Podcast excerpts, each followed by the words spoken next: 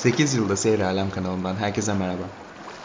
İlk bölümde kendi ağızlarından mesleki ve ailevi geçmişlerini öğrendiğimiz denizci doktor çift Nadire ve Selim bugünkü bölümde dünya turuna nasıl çıktıklarını anlatacaklar. Karar verme ve uygulama sürecini, yaşadıkları zorlukları ve karşılaştıkları engelleri nasıl aştıklarını konuşacağız. Bölümümüzün adı Dünya turuna çıkma kararı. Buyurun söz sizin. Öncelikle denizde yaşamak, okyanusa çıkmak, hatta bir gün dünya turu yapmak ikimizin de en büyük hayaliydi. Hayaliymiş. Sizler büyüyüp yuvadan uçunca emekli olup hayalimizi gerçekleştirme fırsatını yakaladık. Ben daha ilkokul ikinci sınıftayken Büyük Atlas meraklısıydım. Atlası önüme koyar, o uzak coğrafyaların isimlerini okur, dağlara, denizlere bakardım. Önder diye de bir sınıf arkadaşım vardı. Biz ikinci sınıfta öğretmenin gözünden kaçar, arka sırada oturur, atlası önümüze açardık. Karar vermiştik, evlenip Madagaskar'a gidecektik. Madagaskar o zamanlardan benim hayalimi süslüyordu. Tabii Sadun ve Odaboran'ın hepimizi, bütün Türkiye'yi hayallere sürükleyen Pupa Yelkeni'ni okumuştum. Hatta bir dönem onu ezber etmiştim. Herman Melville vardır, Moby Dick kitabının yazarı. E, Taipi diye bir kitabı var onun. Taipi'de e, balina... bunu, bunu ben anlatmak isterim. Herman Melville o yıllarda birçok denizciler gibi 15-16 yaşında yelkenliğe tayfa olarak yazılıyor, suya çıkıyor. Ve Amerikan yelkencisi bildiğim kadarıyla Boston civarından çıkıyor. O bölge onların gerek korsan alık, gerek köle ticareti, gerekse balinacılık limanları. Boston çevresi, New England çevresi.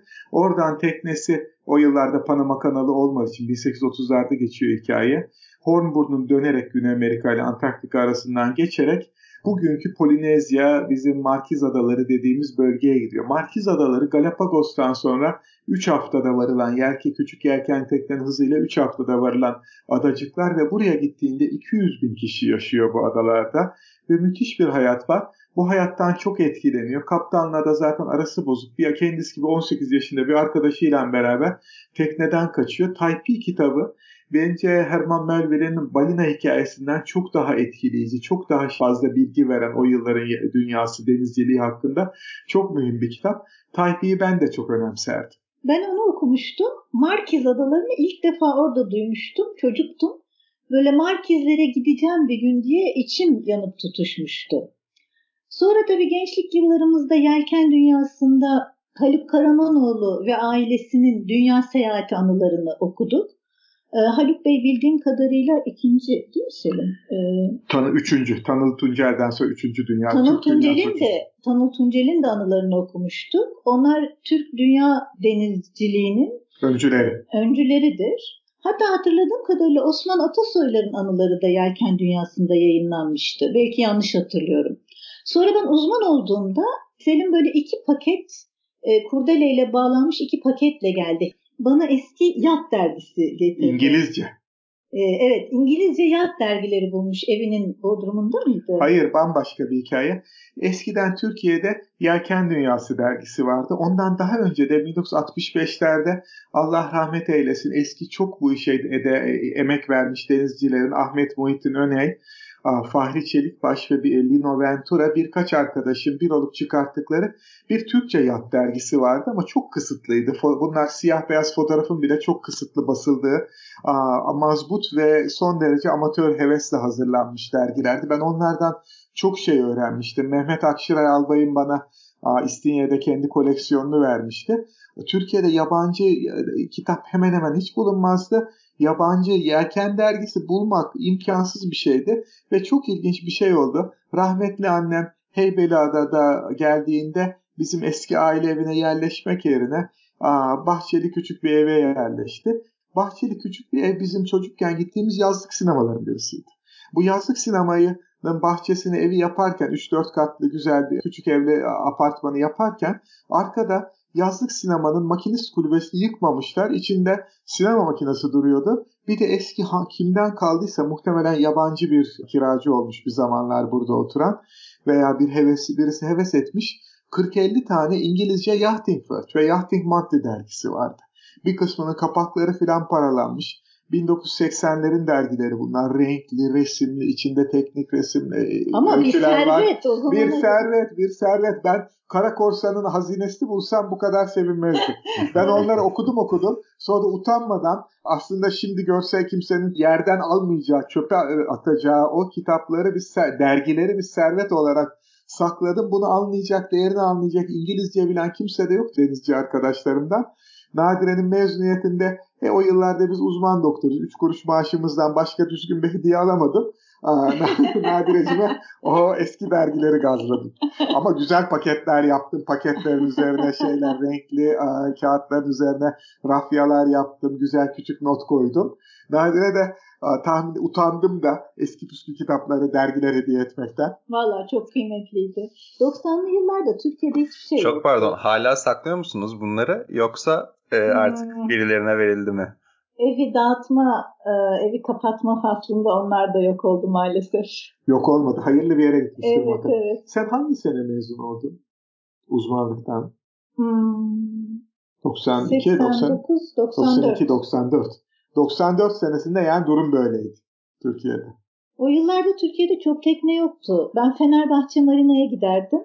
Rüzgarın böyle teknelerin direklerinde, armalarında çıkardığı sesleri dinlerdim. Mest olurdu. F6 iskelesi vardı. Zaten çok meşhurdur Fenerbahçe Marina F6 iskelesi. Eski denizciler, küçük teknesi olanlar herkes birbiriyle ahbaptır o iskelede. Orada duran 8 metre bir polimarin pala vardı. Onu almayı hayal ederdim. Ama nerede? 1994'te Tanıl Tuncel kelebek teknesiyle Türkiye'ye geldi. Dünya turu yaptığı tekneyle ve Fenerbahçe Marina'ya bağladı. Ben hemen seni kaptım gittim oraya. Tanrı Bey yoktu teknede tanışamadım. Ama böyle kelebeğin gövdesine Mekke'de Kabe'yi okşar gibi elimizi sürdüğümüzü oğlum bak bu tekne dünya denizlerini dolaştı, okyanuslar açtı. İnşallah sen de bir gün kendi teknenden dünya denizlerinde gezeceksin dediğimi çok iyi hatırlıyorum. Benim de Tanıl Bey'e dair bir hatıram var. Henüz tanışmak kendisiyle nasip olmadı. O şerefe nail olamadık. Ama ben de Tanıl Bey'in hikayesini yine Yelken Dünyası'ndan takip eder. Hayranlıkla ay başını bekler. Hayranlıkla nerede kaldı, nereye gidiyor, neler yaşıyor tarzında heyecanla takip ederdim. Aa, ve Güney Afrika'dayken adres uzun süre kalmış Güney Afrika'da. Demek ki Zululand Yat Kulüp adresine mektup yazdım. Ama ben öyle böyle mektup arkadaşlıkları olan falan filan bir insan değilim. O kadar önem vermişim. Ben o yıllarda Heybeliada'da kızlarla eski eşimle oturuyorum. Aa, teknesini geldiğinde burada göremedim ama mektubuna mektuba cevap yazmış Tanıl Bey sağ olsun. O mektubu hep sakladım. Yıllar sonra bizim Göztepe'de mektubu bulup Nadire'ye göstermiştim hatta. Evet, evet. Sonra badem oldu, anka oldu, ekip oldu ama e, İstanbul hayatı, ailevi sorumluluk, para kazanma mecburiyeti var, meslek var. Bırakamayız, biz gidemeyiz düşüncesi var. Uzun seneler öyle geçti. Ama siz büyüyüp yuvadan uçunca, çocuklar büyüyüp yuvadan uçunca farklı bakmaya başlıyor insan. Yani sanki bir kapı açılıyor, kendim için ne yapabilirim diye düşünmeye başlıyorsun. Biz de işte anne babamızın ve sizlerin ihtiyacı yokken, kendi sağlığımız da yerindeyken o çok kıymetli zaman aralığını yakaladık, o sırada kaçtık. Benim buna ekleyeceğim başka bir şey var. Bir tek bizim değil, birçok insan hayatında aşamalar vardır. Bu aşamaları adım adım merdivenin basamaklarını çıkar gibi çıkmazsanız hayatınız eksik oluyor. Çok basit bir şey diyeyim. Ben mesela koşuculuğa başladığımda 74 senesinde Allah razı olsun İstinye'deki büyüklerimiz sayesinde önce 3 kilometre bile koşamazdım. Sonra o mecburi olan koşu antrenmanı dalağım, dalağımız ağrıdı, dalağımız şişti derdi. Karnıma ağrılar saplanırdı. Çok kötü bir sporcu adayıydım. Mecburi olan koşu antrenmanını sevdim. 3 kilometreden sonra 5 kilometre koştum, 10 kilometre koştum. Sonra sizle beraber 15 koştuk, sonra 42 koştuk. Kendimizi geliştirmeyi, devamlı devamlı kendimizi geliştirmeyi içimizden gelen bir dürtüyle istedik.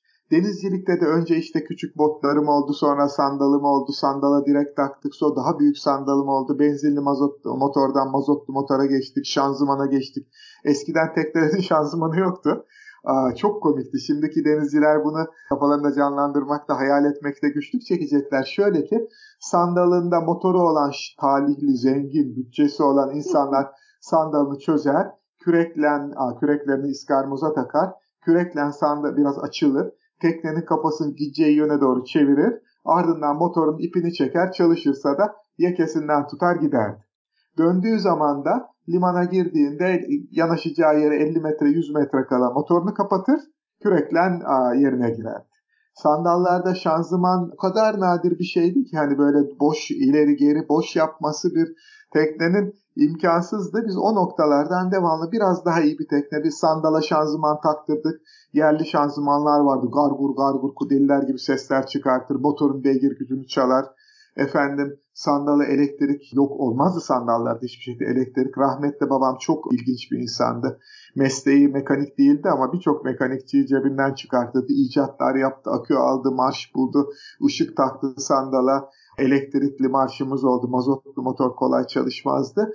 Böyle aşama aşama devamlı teknelerimiz büyüdü. İlk teknemiz Forsa, annemin ilk teknesi Badem. Şimdiki yelkenlerle kıyaslanırsa o kadar iptidai, o kadar basitti ki inanamazsınız. Gülerler. Biz devamlı... Zaten biz, 7.80 metreyle kimse çıkmaz denize yani sandal ebadında. Zaten rutin olarak su alırdı. Forsa'da da Badem'de de biz sizde yağmurda pek gitmezdik. Annenle gittiğimizde kameranın içinde köşe, köşe kapmaca oynardık. Neresinden yağmur geliyorsa başka öbür tarafına kaçardık. Ya da şemsiye açardık. Kameranın içinde şemsiye açtığımız bile var. o kadar basit teknelerimiz vardı. Sonra siz zamanında önce ankamız oldu. Bir yol aldık. Sonra Elan impresyonumuz, ekibimiz oldu. O teknelerle böyle yükseldik, yükseldik. İşte Ege, Marmara'yı, Ege'yi bahçemiz gibi gezmeye başladık. Adriyatik'e sizden beraber sefer ettik. Artık daha ötesini hayal ediyorduk. Yaşımız geçmeden daha ötesini yapmayı çok istiyorduk. Siz gidince biz de diğer mesleki bir takım e, sıkıntılar da yaşandı Türkiye'de. Üniversiteler çöktü, tıp fakülteleri imha edildi, özel hastaneler uçuruldu.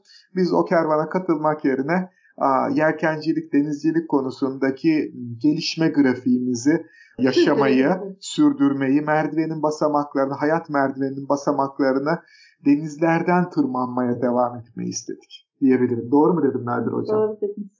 Sayenizde yaptık. Sayın Amiralim. Ama yine bile yani şimdi hayatınızda deniz hep vardı ve evet bu aşamaları yavaş yavaş kat ettiniz ve insanın doğru hayatında bir takım aşamalar var, dönüm noktaları var ama o geçişler de hep çok kolay olmuyor ya bazen yani tabii şartlar da el verdi. İşte mesleki açıdan bir takım gelişmeler de oldu. Fakat yine de alışık olduğunuz bir hayat var İstanbul'da. Bir düzeniniz var, arkadaşlarınız var, meslek sonuçta devam ediyorsunuz. Eviniz var. Şimdi bütün bunları kapatıp biz artık teknede yaşayacağız demek yine bile çok büyük bir karar. Biz artık bu yola kafayı koyduk dediğiniz nokta nasıl? Yani ben hala oraya biliyorum sürekli geri dönüp bunu yineliyorum ama e, çünkü eminim birçok insanın hayatında yani hayalidir. E, ya şu işten çok sıkıldım bırakıp da şurayı geçsem ya da şöyle alternatif bir hayatım olsa ne güzel olurdu diye herkes hayal kuruyor ama e, bunu gerçekleştirme adımını atmak da herkese nasip olmuyor diyelim ya da bir takım başka şeylerden dolayı da herkes yapamayabiliyor. Onu o yüzden biraz duymak isterim aslında.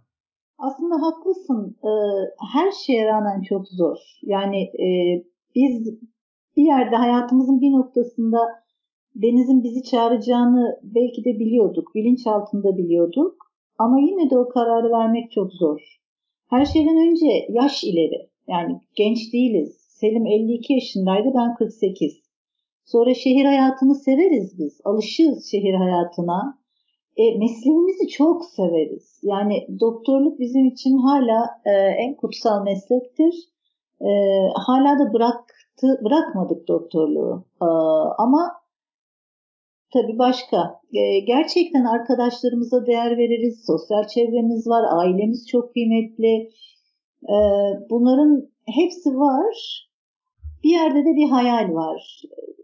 Hayale ulaşmak için bazı gerçekleri kabul edip çok çabalamak gerekiyor. Şimdi şöyle bir şey var. Herkes bunun hayalini kuruyor. Herkes farklı bir hayata atılmak istiyor.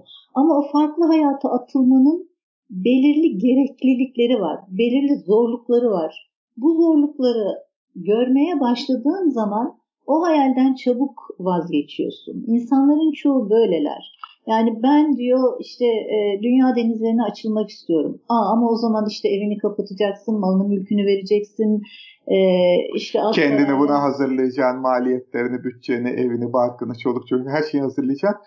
Yumurtayı kırmadan omlet yapmak imkansız. İşte o aşamaya geldiğin zaman, e, gerçekleştirme aşamasına geldiğin zaman, gerçekle yüz yüze geldiğin zaman ben hazır değilim deyip korkuyorsun. Ee, o zaman çekiliyorsun. Ee, bunun çok şeyleri var. Mesela biz bizim için bakılırsa mesleğin zirvesindeyiz ve hayatımızı üniversiteye adamışız. Ve biz öyle düşünüyoruz ki biz ölene kadar üniversite hocası. Benim dedem Osman Cevdet Çubukçu 70 yaşında hasta bakarken... Ordinarius hasta... profesör olarak hala çalışıyor. Bir fiil kendisi hasta bakıyor Çapa'da, Türkiye'nin Kurucu Tıp Fakültesi'nde. Ve, Ve de e, 14 tane hasta bakıyor. 14. hastasını baktıktan sonra eve gitmek istiyorum artık deyip ah diyor düşüyor. Annemin, annem onun asistanıymış.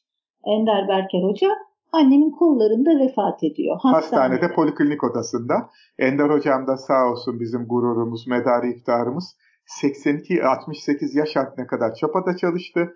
Belki 20-30 bin öğrencisi oldu her sene 450 öğrenciden. Ve de ardından da 82 yaşında yaş haddinden sonra hiç durmadı. 82 yaşında muayenehanede bizimle çalıştı. Amerikan Hastanesi'nde çalıştı. Şimdi hala haftanın 4 günü hasta özel Amerikan Hastanesi ve Med Amerikan'da hasta görüyor. Çalışmaya devam ediyor.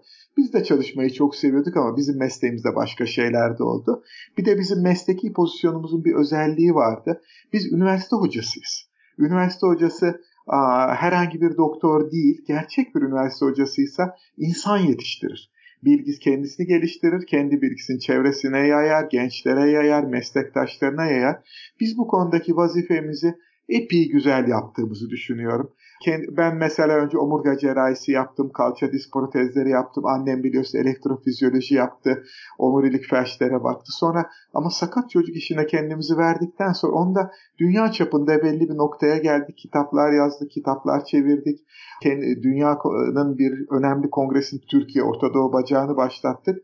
Ve belli bir noktaya geldik. Bir baktık Zaten bizim yetiştirdiğimiz asistanlarımız veya bizim kişisel asistanımız olmayan ama başka hastanelerden, başka üniversitelerden gelip bizimle etkileşen insanlar bizim bilgimizi alıp daha öteye götürmeye başladılar.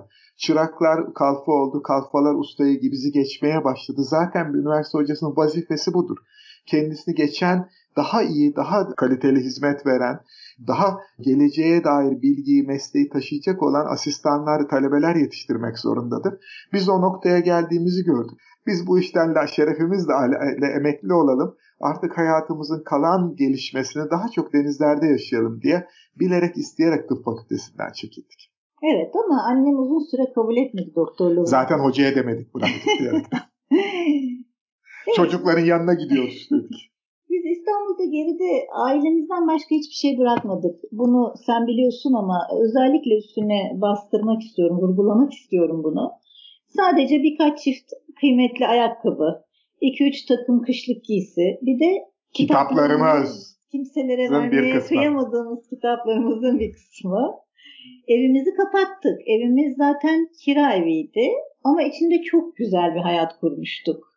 E, hatırlıyorsun işte sahilde hobiketimiz, kürek kulübümüz, teknemiz hemen yak e, işte köpeğimiz zeytinin gezdirilmesi. Evde devamlı partiler. Parti derken şey partisi değil. Evet. İçkili parti değil yani yanlış anlaşılmasın. Biz denizlerde gezdikten sonra heyecanla gelir. Üniversite hocası olarak PowerPoint denilen sunum tekniklerini ta 90'lardan itibaren Türkiye'de ilk kullananlardandık. Mesela 2004'teki olimpiyatı, 2006'daki Adriyatik, Adriyatik gezisini, 2007'de Karayiplere gittik Amerikalı yelkenci arkadaşları onları hemen hepsini PowerPoint'e dönüştürüp evimizde 30, 40, 45 sev kişi bir sefer galiba belki Hep daha çok insan yapardı. toplar hastaneden bu projeksiyonu bilgisayara bağlı projeksiyon makinesini hafta sonu için gizlice yetkimizi kullanarak hile içeriği olarak alır. Evde büyük partiler yapardık hatırlıyorsunuz. Hatta Ve Tonguç'la Yeşim gelmişlerdi. Aa Tonguç'la Yeşim dünya Sunum denizlerinden yaptılar. geldiklerinde yosun teknesini esas yapan rahmetli denizci büyüğümüzün teknesini Bora Bora Raitea'dan aldılar Tahiti'nin karşısında. Kızıldeniz'den Türkiye'ye geldiler. Onlar bizim evde sunum yaptılar. Bizim Sonra, evimiz böyle bir küçük yelken kulübü gibiydi. Kürekçi Erden Eruç, dünya denizlerini kürekle gezen Erdem Bey de gelip bizim evde sunum yapmıştı. Daha sadece bir okyanus geçmişti. Sonra geldi bizim evde sunum yaptı. O kadar ilginç sunumlar olurdu ki bizim evde bir Çok küçük güzel. yelken kulübüydü. Çok güzel yaşardık. Deniz kulübüydü diyelim. Bir tek yelken değil. Evet evimizi kapattık. Eşyalarımızı ailemize, sevdiklerimize, çocuklarımıza dağıttık. Verdik, hediye ettik. Hediye ettik. Sonuçta bütün dünya malımızı 14 metre tekneye sığdırdık. Eskiden Osmanlı zamanında ve eski Türkler zamanında demir asa demir çarık derlermiş bir lokma bir hırka. Biz de o şekilde denizlere düştük. Zaten siz gitmiştiniz. Sonra da kendi hayatlarınızı kurmaya başlamıştınız. Ama yine de evini kapatmak, hani siz dönüp geldiğinizde iki hafta için olsun evinizi bulmamanız biraz çok acı geliyordu bize. Ee, ben evi kapattığımıza inanmıyorum. Biz evi sadece direkli ve seyyar bir eve dönüştürdük. Ha, şimdi onu Aile diyecektim. Aile ocağımız yeni evimizde devam ediyor. Nitekim hatta Heybeliada'dan bizim çocuklarla kurduğumuz kürek kulübü, balık adamlar kürek kulübü önünde önce kaldı ev direkli evimiz 2012 yazında. Sonra oradan Ağustos'un ortasında çıktık. Ağustos'un ilk haftasında galiba çıktık. Dünyayı gezen bir direkli evimiz var. Aile yuvamızın bir bacağı orada. Sadece eski arı kovanları gibi oğul verdik. Dünyanın başka yerlerinde de sizin evlerinizde de şömineli ev devam ediyor. Aynen öyle. Artık dünyanın böylece başka yerlerinde de buluşma fırsatımız, şansımız oldu alışık olduğunuz düzenden çıkıp artık işte evinizi tekneye sığdırıp teknede yaşamaya başladığınız noktadan sonra hiç bir an oldu mu böyle ya biz nereden bu işe giriştik de mesela kötü bir havada, bir fırtınada, soğukta işte e, nereden çıktık şu denize de yani böyle bir pişman olmaktan demeyeyim ama böyle bir düşünceler mutlaka olmuştur ya da oldu mu? Ya tüh be dediğimiz olmadı aslında. Benim olmadı aslında. En kötü havada bile olmadı. Ee, çok zorluklar oluyor tabii ama hayalini kurduğumuz bir yaşamdı. Ee, ve de aslında çoğu zaman böyle hayal ettiğinin çok daha ötesinde çok daha yoğun bir hayat buldum okyanusta diyebilirim tabii çok zorlukları yok değil. Mesela hiçbir zaman hani düşünsene bir çapanın ucunda bir zincirin baklasında sallanıyorsun çoğu zaman. Hani hayatın bazen o kadar küçük ayrıntılara bağlı ki çok iyi hazır olması gerekiyor teknenin. Senin çok iyi hazır olman gerekiyor. Kolay değil ama öyle hay lanet olsun nereden geldim buraya dediğim hiç olmadı. Hiç olmadı diyebilirim. En kötü fırtınada bile. Ben demek ki hazırmışım bu maceraya. Benim asla ve katiyen olmadı. Hatta ben gayet rahat ettiğimi düşünüyorum. Çünkü ben e, biliyorsunuz balıkçılık hikayelerimi, sandalcılık, kürekçilik hikayelerimi. Eskiden o küçücük 5 metre 15 santim daracık hem de bir 80 miydi bir 70 miydi yani sandalın içinde zaten yaşardım. Üstümüzde hiçbir şey yoktu. Sarı Karaköy Perşembe Pazarı'ndan alınmaz sarı muşambadan bildiğimiz muşamba ama yani masa örtüsünden daha kalitesi bir muşambadan yapılan denizci giysileri, bir tane bere, örme bere, ayağımızda çöpçü çizmeleri. Ondan yaşardık. Tanıyorsun Yavuz abini, diğer Celal amcanı, Yavuz amcan, Celal amcan, Birol amcan tayfalarım olurlardı. O küçücük sandalın içinde yaşardık. Biz bundan hiç şikayetçi olmazdık. Kuru ekmekle zeytin yerdik. Paramız varsa balık tutup kazanmışsak salamla kaşar da koyardık yanına. Çok çok mutlu olurduk. Hatta Coca-Cola içerdim ben eskiden. 40 küsur yıldır içmiyorum da Coca-Cola'yı alacak paramız varsa daha da mutlu olurduk. Aa, şimdiki teknemiz o kadar güzel, o kadar rahat ki kaloriferimiz var, sobamız var, 3 tane odamız var, salonumuz mükemmel, mutfağımız Koryan. Evet, Yeni, Yeni Zelanda'da yaptırdık. Yani bu tekne tamam evimiz kadar eskiden kaldığımız kira evleri kadar rahat değil ama vallahi bile çok güzel bir ev. Yani ben ev, gayet mutluyum. Ev konforunu denize taşıyabilmek gerekiyor. Özellikle belli yaştan sonra denize çıkanlar için. Mesela konfor. bir kahve makinesi, mesela evet. bir soda makinesi. Aynen. aynen aynen. Ben şeye de dönmek istiyorum. Sinema makinalarımız var. Salonumuzda ayrı, yatak odamızda ayrı küçük projeksiyon perdelerimiz var. E, 150-200 liraya alınmış perde, pencere perdesinden bozma inen kalkan. Aa, basit projeksiyonumuz var tavana takılan. Aa, ondan aa, gayet güzel film seyrediyoruz. Müzik setimiz çok iyi, iyi. Müzik koleksiyonumuz çok iyi. Tamam 3 duvar dolusu ne sizin odadakilerle beraber 5 duvar dolusu kızların sen dolusu 5 duvar kitabımız vardı. O kitapların çok çok hızlı götürebildik. Ama e-book çıktı bu arada. E-book'ta 80-90 bin tane kitabımız var. Oku oku bitmiyor. Gözlerimiz evet, bozuldu. Bir tek şöminemiz yok şimdi. Çok pardon. Bütün bunların yani şimdi dinleyiciler yanlış anlayacak. Bunların nereye sığdırıyorlar diye. Bu bir motor yat değil. bu böyle bir, bir 14 metre yelkenli tekne olduğunu hatırlatalım. Şaka bir yana hiçbir zaman karadaki konforumuzu yakalayamayız elbette. Ayrıca kapattığımız yuvamız hala hepimizin hayallerini süsler. Ama doğrusu buydu. İspanya'yı fetheden Endülüs Emevilerinin efsanevi komutanı Tarık bin Ziyad'ın yaptığı gibi gemileri yakınca, geride dönecek bir ev bırakmayınca alışmak bir yerde mecburi oldu. Dinlediğiniz için çok teşekkür ederiz. Bir sonraki bölümde hazırlık sürecini konuşacağız. Bir sonraki bölümde görüşmek üzere.